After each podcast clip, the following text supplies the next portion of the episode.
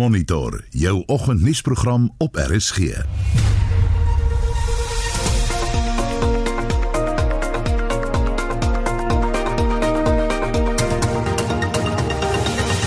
volgens se programme kenner sê ondersoek moet ingestel word na Suid-Afrikaanse mans se gewelddadige gedrag.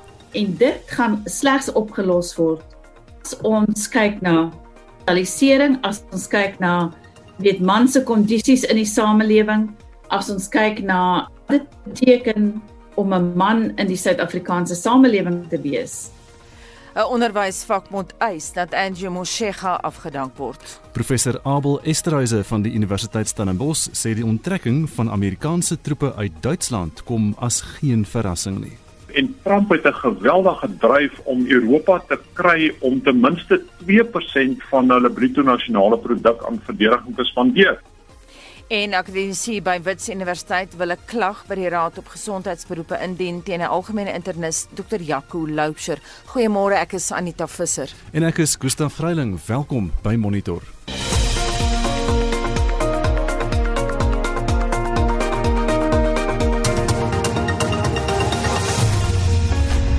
Dis nou 12 minute oor 6 is ingeskakel by Monitor op RSG en 'n oorsig van die koerant voorblaaie vir Woensdag die 17de Junie. Die Burger en Volksblad vandag kan jy nie sien my vrou is dood. Omstander vertel van gesprek by motor se dak. En dit is tragiese besonderhede oor die ongeluk op die N2 by Grabouw Saterdag met 'n petrol tankwa. En ook 'n berig wat sê ouma red 2 uit Rottweiler se kake. Dit lyk my daar's nie vandag 'n beeld nie op ons stelsel nie. En dan Business Day se voorblad het die staat gaan 26 miljard rand uit sy sak haal vir die nuwe SAL. Dis soos die besonderhede van die sakereddingsplan bekend raak oor afleggings, die afbetaal van skuld en die koste om weer 'n lugdiens aan die gang te kry. Ook 'n berig wat sê al die geld wat hy aan nuwe vliegtye uitgegee het, het die private lugdiens Comair lam gelê toe die koronavirus nou toeslaan. Internasionaal op bbc.com Indië en China blameer mekaar vir 'n dodelike botsing tussen soldate in die Himalajas. Minstens 20 Indiese soldate is dood. En Beijing maak weer 'n einde aan reis met 'n nuwe vlaag koronavirusinfeksies wat daarvoor sorg. En dis vinnige oorsig van vanoggend se nuus. En later in Monitor praat ons met 'n kenner wat sê dat die werksplek nou vir altyd verander het. Volgens hom het die pandemie nou eh, gelei tot 'n nuwe normaal. Dit gaan beteken dat menslike kontak in die werkplek met rasseskrede gaan verminder. Ons sien dit klaar by die SAIK. Ons wil vanoggend by jou hoor. Kan jy agterkom dat jou werksplek se werks werkswyse heeltemal verander het, minder kontak met mense en so aan.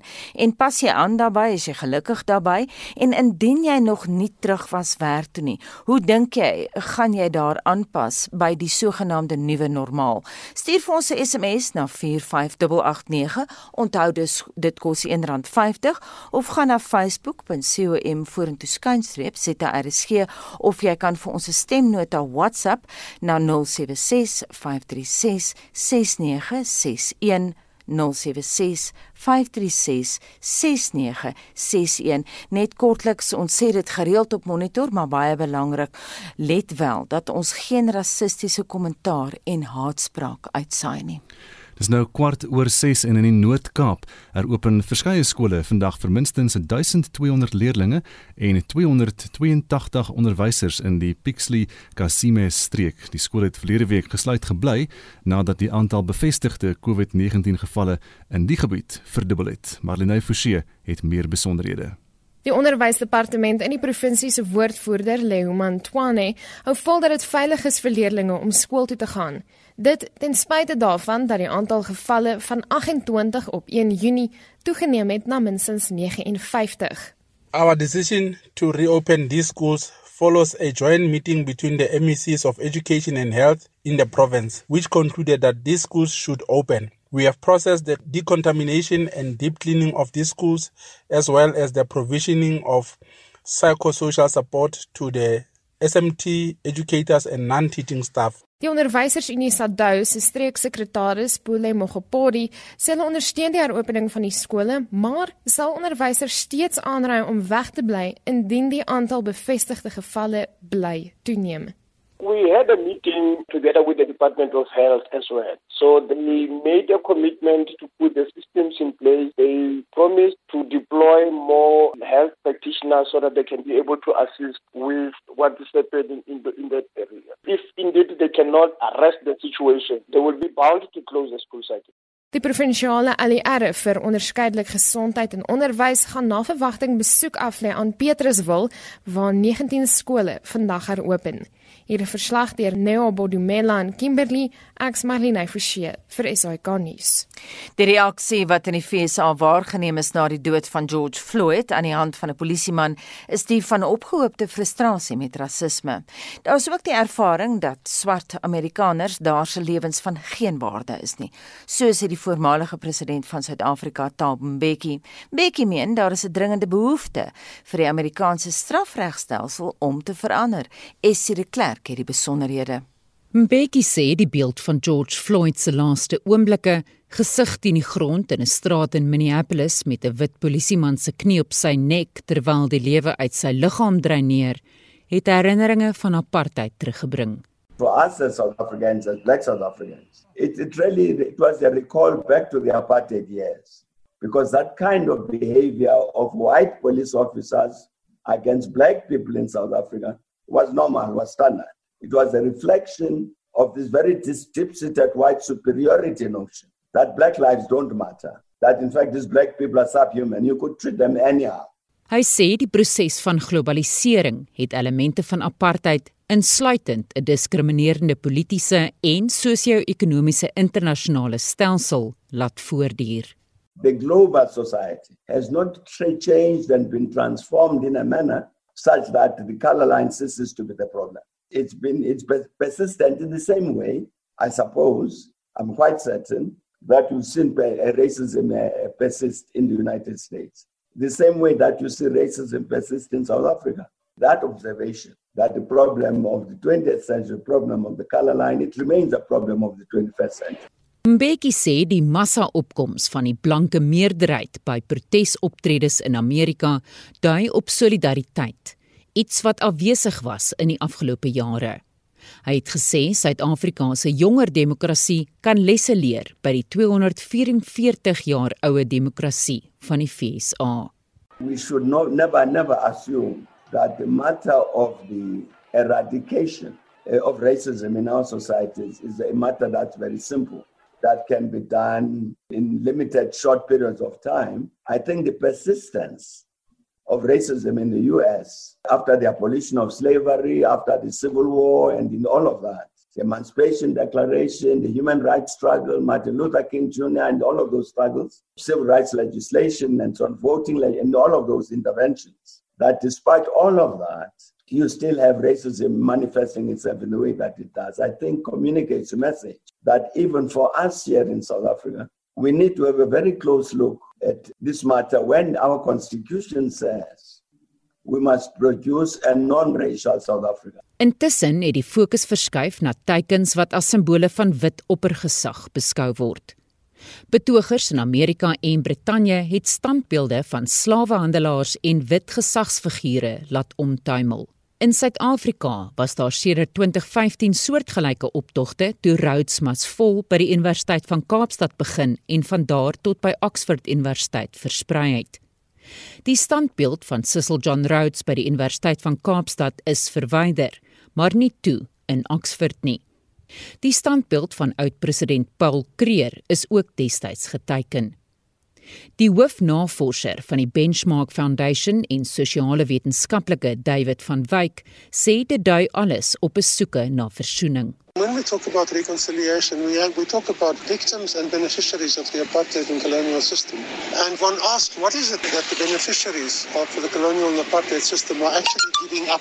Um, the least they can give up are statues and symbols of apartheid and oppression. As it is, there's been no change in the economic realities of our country and the ownership structures and so on of our country. Die verslag is saamgestel deur Shawn Bryce Peace in New York en Nomaliso Mandela in Johannesburg. En ek is Estie de Klerk vir SAK nuus. Dis nou 21 minute oor 6 jy luister na Monitor op RSG en die sakeverslag word aangebied deur Leon Ferreira van PSG Wealth Pretoria. Oos goeiemôre Leon. Goeiemôre Gustaf. Nadat ons JSE beurs maandag met 2.5% gedaal het tot 52270 punte, het Amerikaanse markte daar ook negatief geopen, maar omgedraai nadat die Federale Reserve Raad gesê het hulle gaan ook korporatiewe effekte koop. Die Europese markte was gister sterk op, meer as 3% hoër op die Fed se stimulasie en ook nuus dat 'n nuwe middel dexamethasone ontdek is wat sterfgevalle deur COVID verminder. In die VK het die werkloosheidsyfer verbasend onder uh, onveranderd gebly op 3,9% tussen Februarie en April. En in Duitsland het ekonomiese sentiment tot 63 punte gestyg vanaf 51 in Mei en dis die hoogste vlak in 14 jaar dit lyk my Duitsers raak nie sommer opgewonde nie.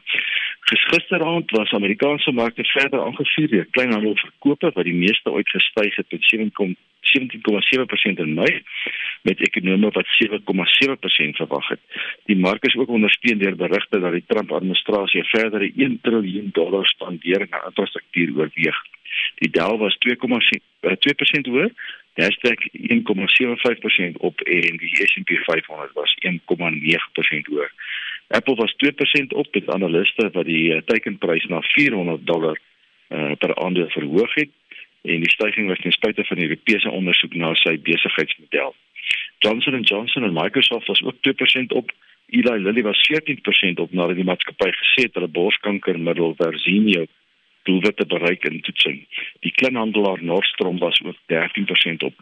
Die positiewe markbewegings kom ten spyte van hernieude COVID gevalle in Beijing en opmerkings deur die Fed voorsitter eh, dat daar baie onsekerheid bly oor die tydsberekening en omvang van ekonomiese herstel. Die IMF het ook gewaarsku dat die huidige krisis iets is wat nog nooit beleef is nie en dat die globale ekonomiese inkrimping baie meer gaan wees as die aanvanklike 3% wat in April voorspel is. Daar is ook 'n rekordgetal fondsbestuurders in Amerika wat meen die aandelemark is oorgewaardeer by die S&P 500 prysverdienste op 23. Dit moet weer vergelyk word met besonder lae opbrengste op staatseffekte. In die ooste vanoggend lyk dit of beleggers daar meer fokus op die waarskuwing van die IMF e by die mark op die oomblik effens in die rooi. Die Nikkei is 0,7% laer, Shanghai 0,2% af en die Hang Seng in Australië is feitelik onveranderd. Tencent is 0,3% laer in Hong Kong en BHP in Australië is 3% laer. Die rand verhandel vanoggend teen um, R17.26 teen die dollar, 21.67 teen die pond en 19.45 teenoor die euro. Goud verhandel op 1725 dollar, platinum op 833 dollar en palladium 1927 dollar met die Brent olieprys hoër op 40 dollar 13 op tekens van meer aanvraag en 'n vermindering in produksie. Baie dankie Gustaf, dis al van my kant af. En dit was dan die sakeverslag aangebied deur Leon Ferreira van PSG Wealth Pretoria Oos.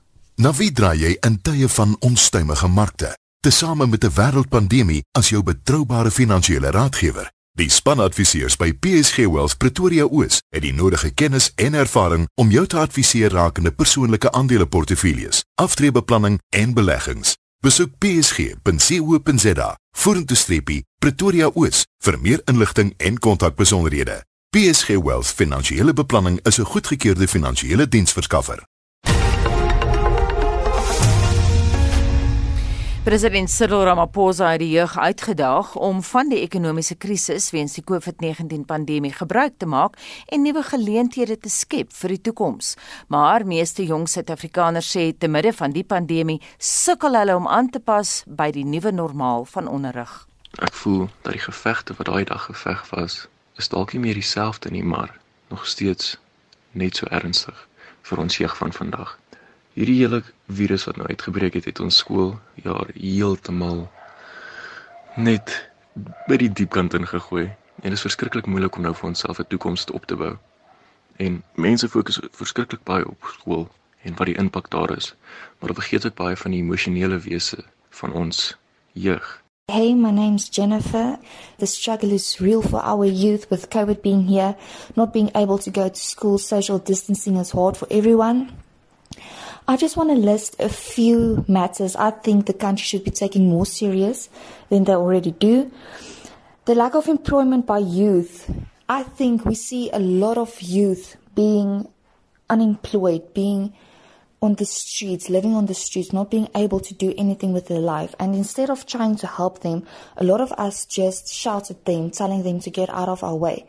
I think we should start making the difference the whole country can the youth's life has been put at risk, most importantly, and we don't have opportunities for the youth to actually, for unemployed youth to actually show the skills that they have because most people don't want to employ students that are fresh out of varsity. So by the time you leave varsity, you don't have work experience.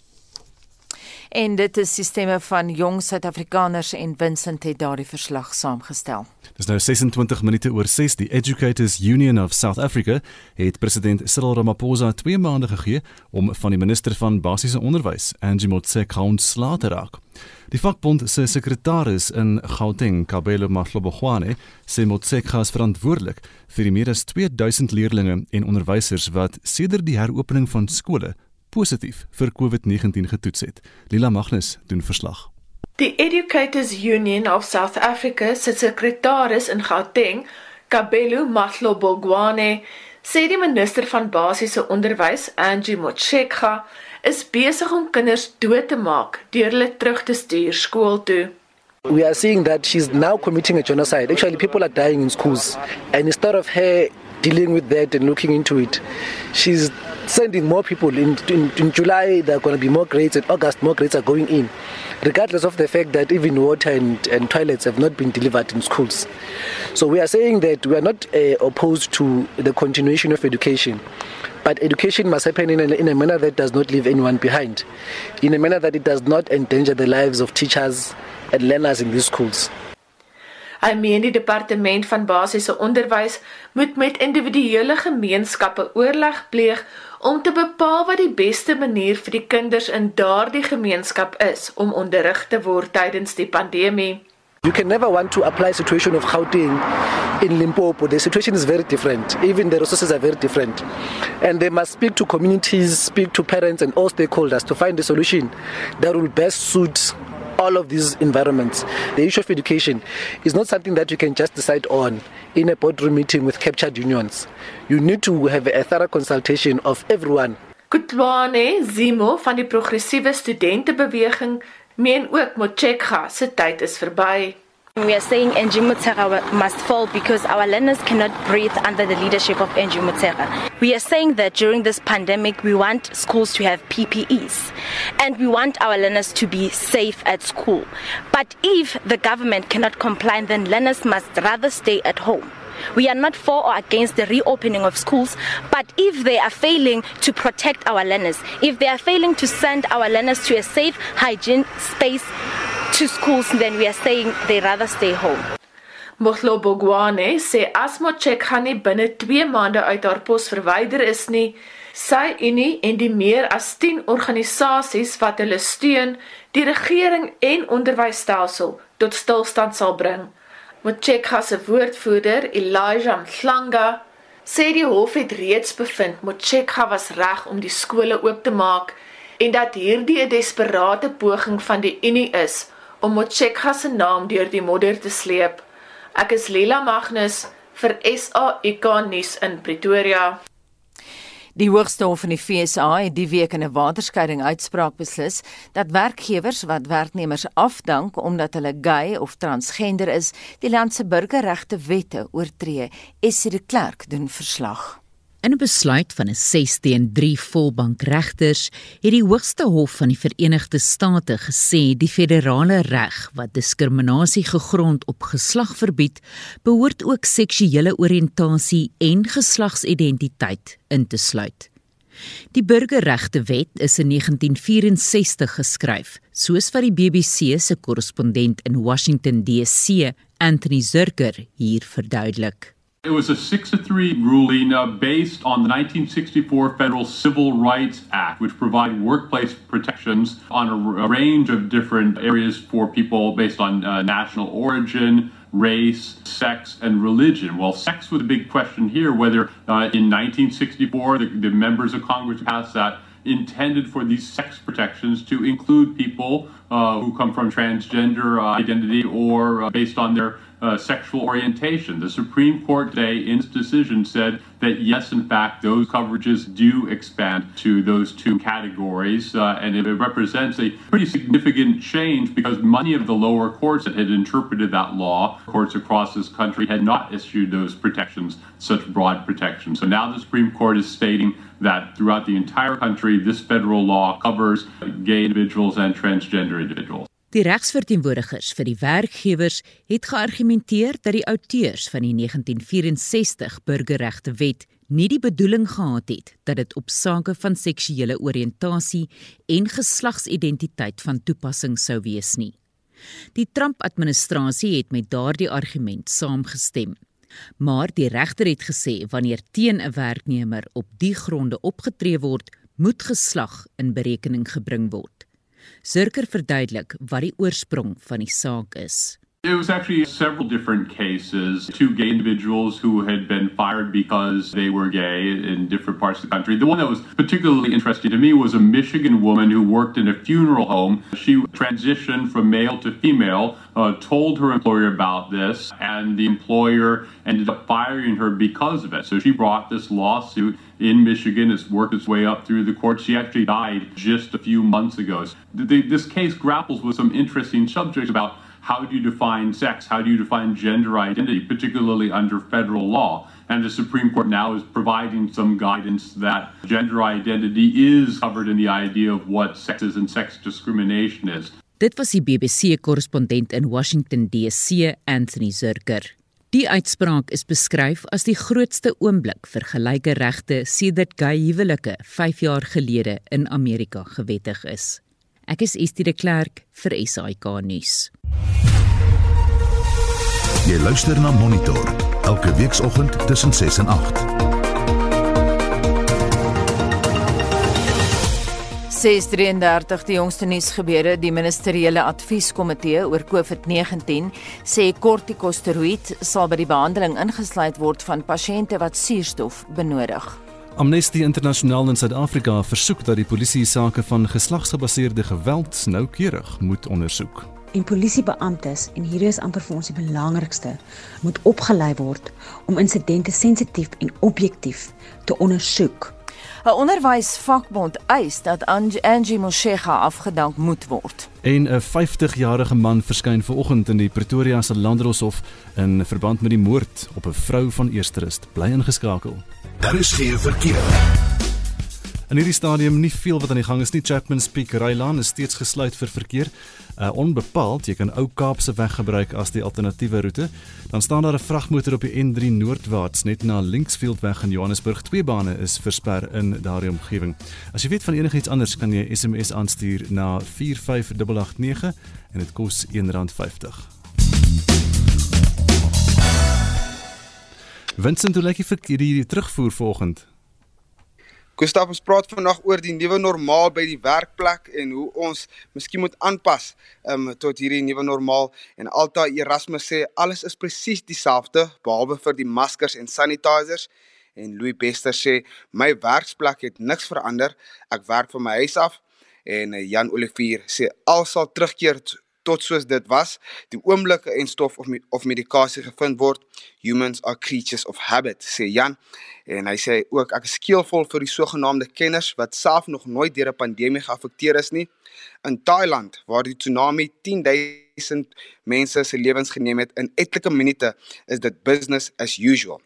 En sê Josie de Langerie geen verandering by my werksplek. Ons het meer as 'n uh, 1.5 meter breë toonbank en tralies bo-op met 'n tralie deur geen kliënte kom in die winkel.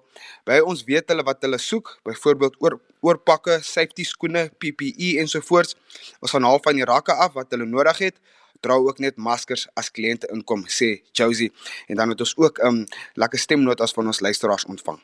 Hierdie hele gedagte dat dinge nooit weer gaan terug na normaal toe nie is nogals belaglik. Mense is mense we've always bounced back en ons is sosiale wesens. Ons gaan terug aan ja vir 'n rukkie gaan dit vreemd wees. Ek is 'n juffrou by skool. Vir die eerste 2 dae het dit weird gevoel met die maskers, maar nou is dit daar's nie daar's nie regtig 'n nuwe normaal nie. Daar's 'n paar aangepaste reëls, maar ons doen nog steeds wat ons moet doen. En ons pas aan, maar sodra hierdie ding oorwaai, gaan ons maar weer teruggaan na wat die mens nodig het en dit is sosiale kontak. Goeiemôre, is Martie Rousseau van Wetrigard. Ek's 'n onderwyseres in Wetrigard. Ja, die nuwe manier van skool gee, die nuwe manier van werk is 'n nuwe normaal. Is anders as wat ons almal gewoond is. Maar ek dink as ek aan die ligkant moet kyk na hierdie situasie, het dit eerder as om enige iemand te benadeel die vlak van respek vir mekaar regtig verhoog na na 'n level waaraan Lutrigard nog nie gewoond was nie. En luisteraars kan ook nou hulle mening vir ons stuur. Ons wil weet, het jy agtergekom dat jou werksplek um omkeerbaar verander het na hierdie nuwe normaal toe? Laat ons weet, stuur vir ons jou SMS na 45889. Dit kos jou R1.50 per SMS of gesels saam op facebook.com vorentoe skynstreep ZRSG en soos jy gehoor het kan jy ook 'n stemnota stuur. Hou hulle so 30 sekondes lank en daardie nommer is 076 536 6961. Ek herhaal hom 076 536 6961. 638 hier is Shaun Jooste met die jongste sportnuus. Ons wil weg met gisteraand se sokkeruitslaa. In die Duitse Bundesliga het Bayern München 1-0 weg teen Werder Bremen gewen en hulle agste agtereenvolgende titel ingepalm. Borussia Mönchengladbach het Wolfsburg met 3-0 afgeronsel. Union Berlin het Paderborn met 1-0 en Freiburg het Hertha Berlin met 2-1 geklop.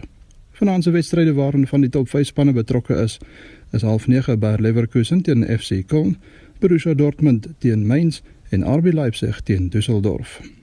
Die tellings in die Spaanse La Liga was Barcelona 2, Leganés 0, Villarreal 1, Mallorca 0 en Getafe 0, Espanyol 0.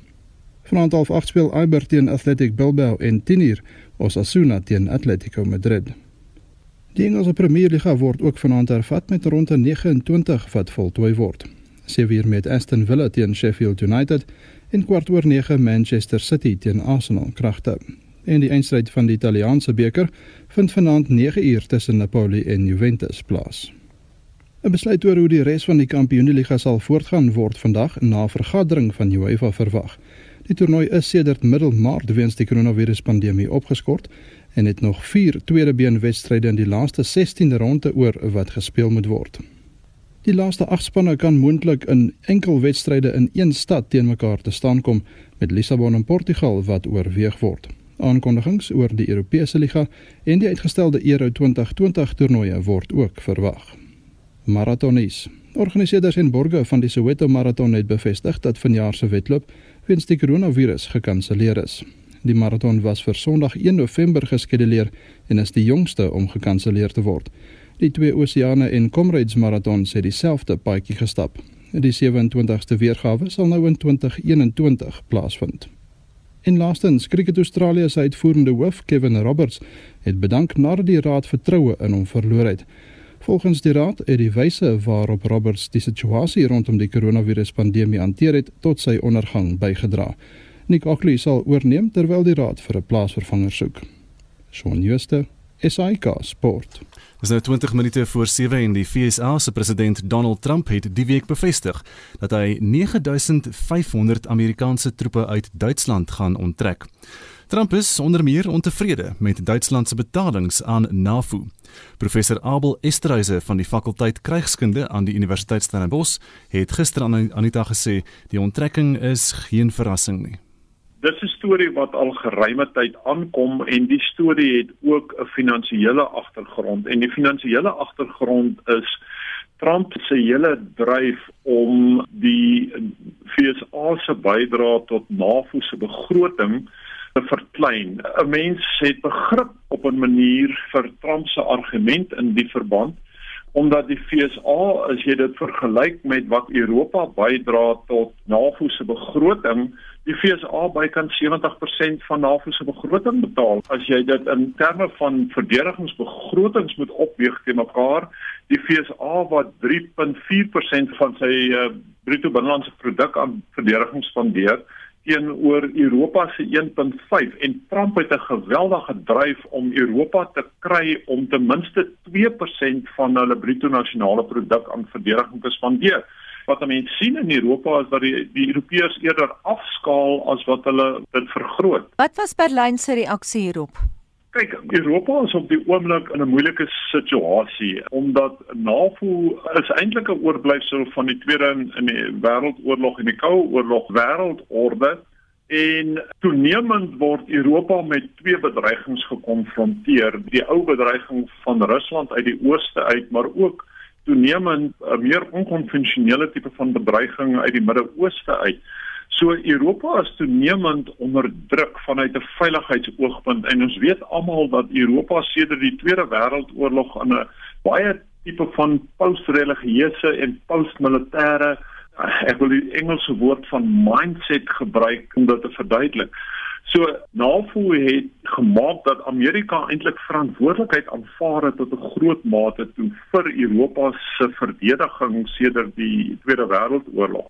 Nou moet mense ook sê maar Euro, eh, die FSA het redelik baie gekry uit NAVO uit tot die mate toe dat dit Noord-Atlantiese verhoudings in stand gehou het dat die FSA Europa gebruik as 'n voorste basis om op te tree in twee belangrike streke van destabiliteit in die wêreld en dit is die Midde-Ooste en Afrika want ons moet in gedagte hou die US Africa Command is gestasioneer in Stuttgart in Duitsland maar daar's ook toenemend druk binne Duitsland onder die Duitse publiek aan die oplaai teen Amerikaanse troepe en en daar's 'n beweging om binne Duitsland om Amerikaanse troepe van Duitse grondgebied af te kry. Ek sien nou dat die Duitse ambassadeur in die VSA het wel gesê dis nou Emily Haber wat gesê het maar jy moet onthou Duitsland is ook betrokke en hierdie soldate is betrokke om transatlantiese sekuriteit te handhaaf. Jou reaksie op daardie antwoord of op daardie reaksie van die Duitse ambassade?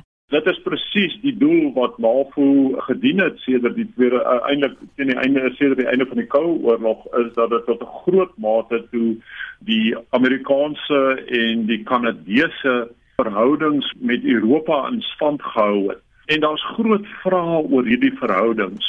Een van die vrae wat byvoorbeeld vanuit hierdie transatlantiese verhouding toenemend nou op die voorgrond is, gaan oor Brittanje se rol in die toekoms omdat Brittanje tipe van homself eintlik weggeposisioneer het van Europa en ons weet Brittanje het nog altyd 'n brugbouende verhouding gespeel ten opsigte van Europa en die VSA maar daar's ook 'n uh, vraag in die Trump administrasie in terme van die handelsbalans en die handelsverhoudinge tussen Europa en die VSA wat tot 'n groot mate toe Europa tot voordeel strek en Trump het vra oor die Amerikaanse voordeel uit die instandhouding van daardie verhouding. Ek dink net daar's ander prioriteite vir die Amerikaners uit 'n strategiese perspektief op die kaarte.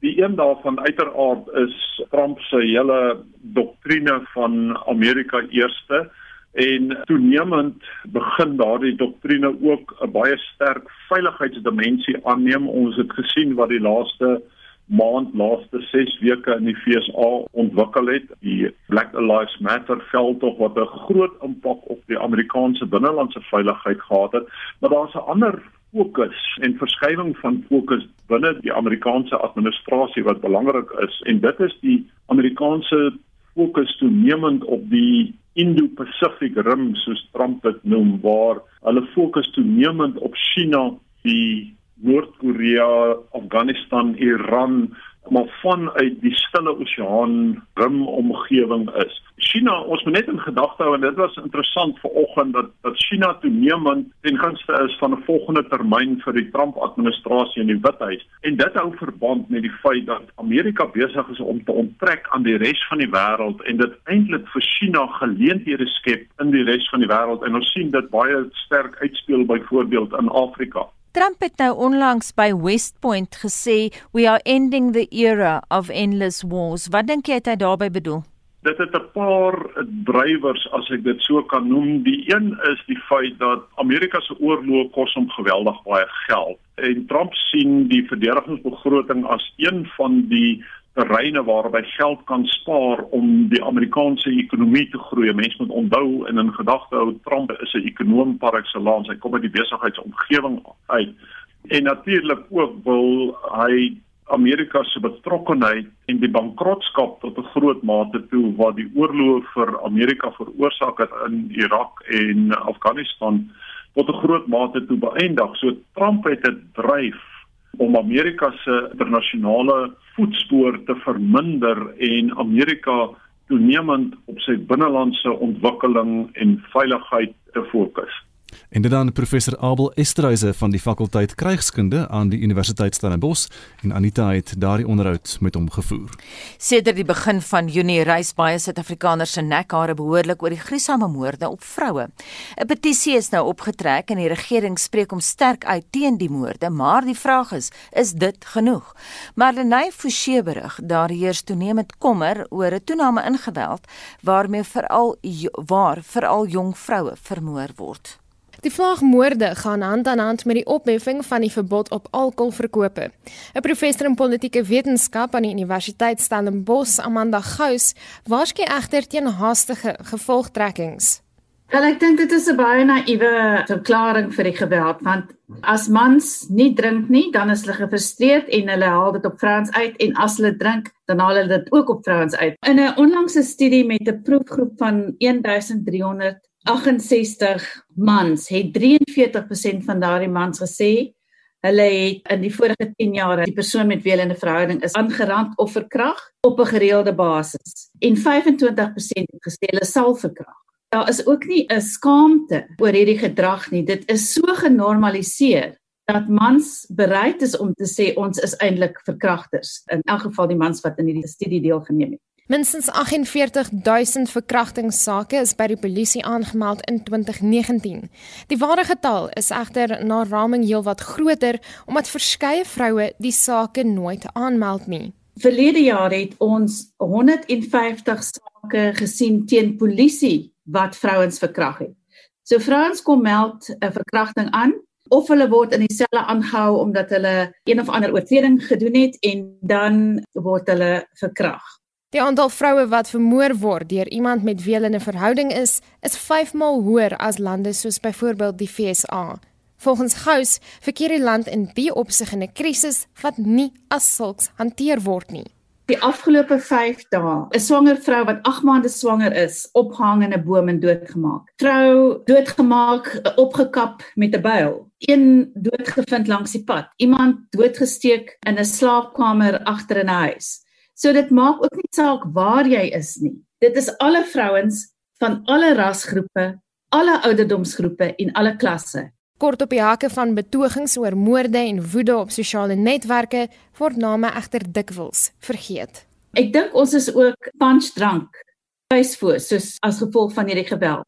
Dit is so mind-boggling dat ek dink, jy weet as ons onsself vergelyk met enige ander land, dan weet ek nie hoe ons hierdie hierdie gedrag verduidelik Studies toon toenemend dat die geweld 'n naderdraai van koloniale geweld kan wees. Onder kolonialisme is vroue van die inheemse bevolkings en die slawe is verkrag sonder dat daar reperkusies was. Die mans van die inheemse bevolkings is geïnfantiliseer wat beteken hulle is byvoorbeeld genoem boys. Hulle is nooit behandel as volwaardige volwassenes nie. Die status simbole waaraan mense hulle self hulle eie status in hulle samelewings meet, het verdwyn. Hulle eie kultuur en tradisies is verander deur kolonialisme. Families is opgebreek as gevolg van die feit dat mans in aantrekarbeid blootgestel is. Met ander woorde, die paaie na manlikheid vir mans is nie oop nie.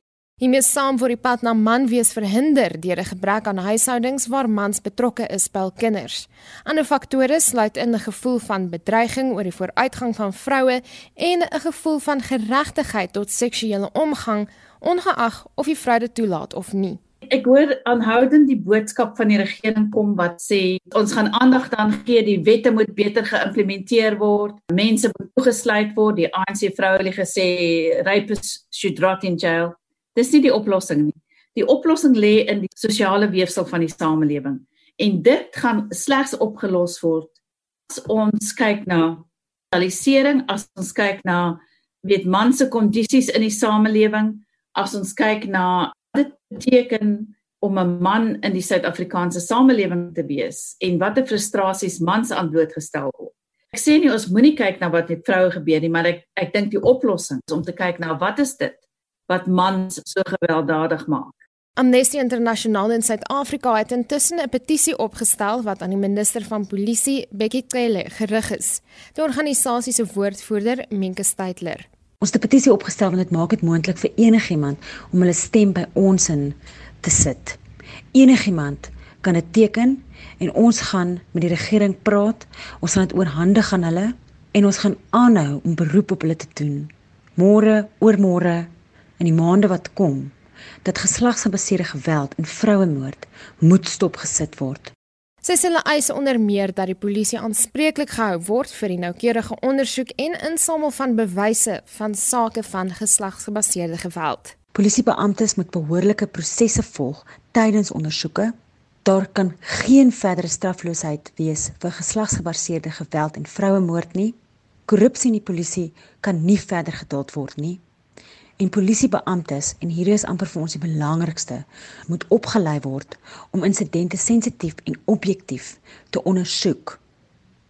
Wanneer vroue na polisiestasies toe kom om insidente te rapporteer, moet hulle met respek gehanteer word en na geluister word. Intussen word die lys name by die dag langer.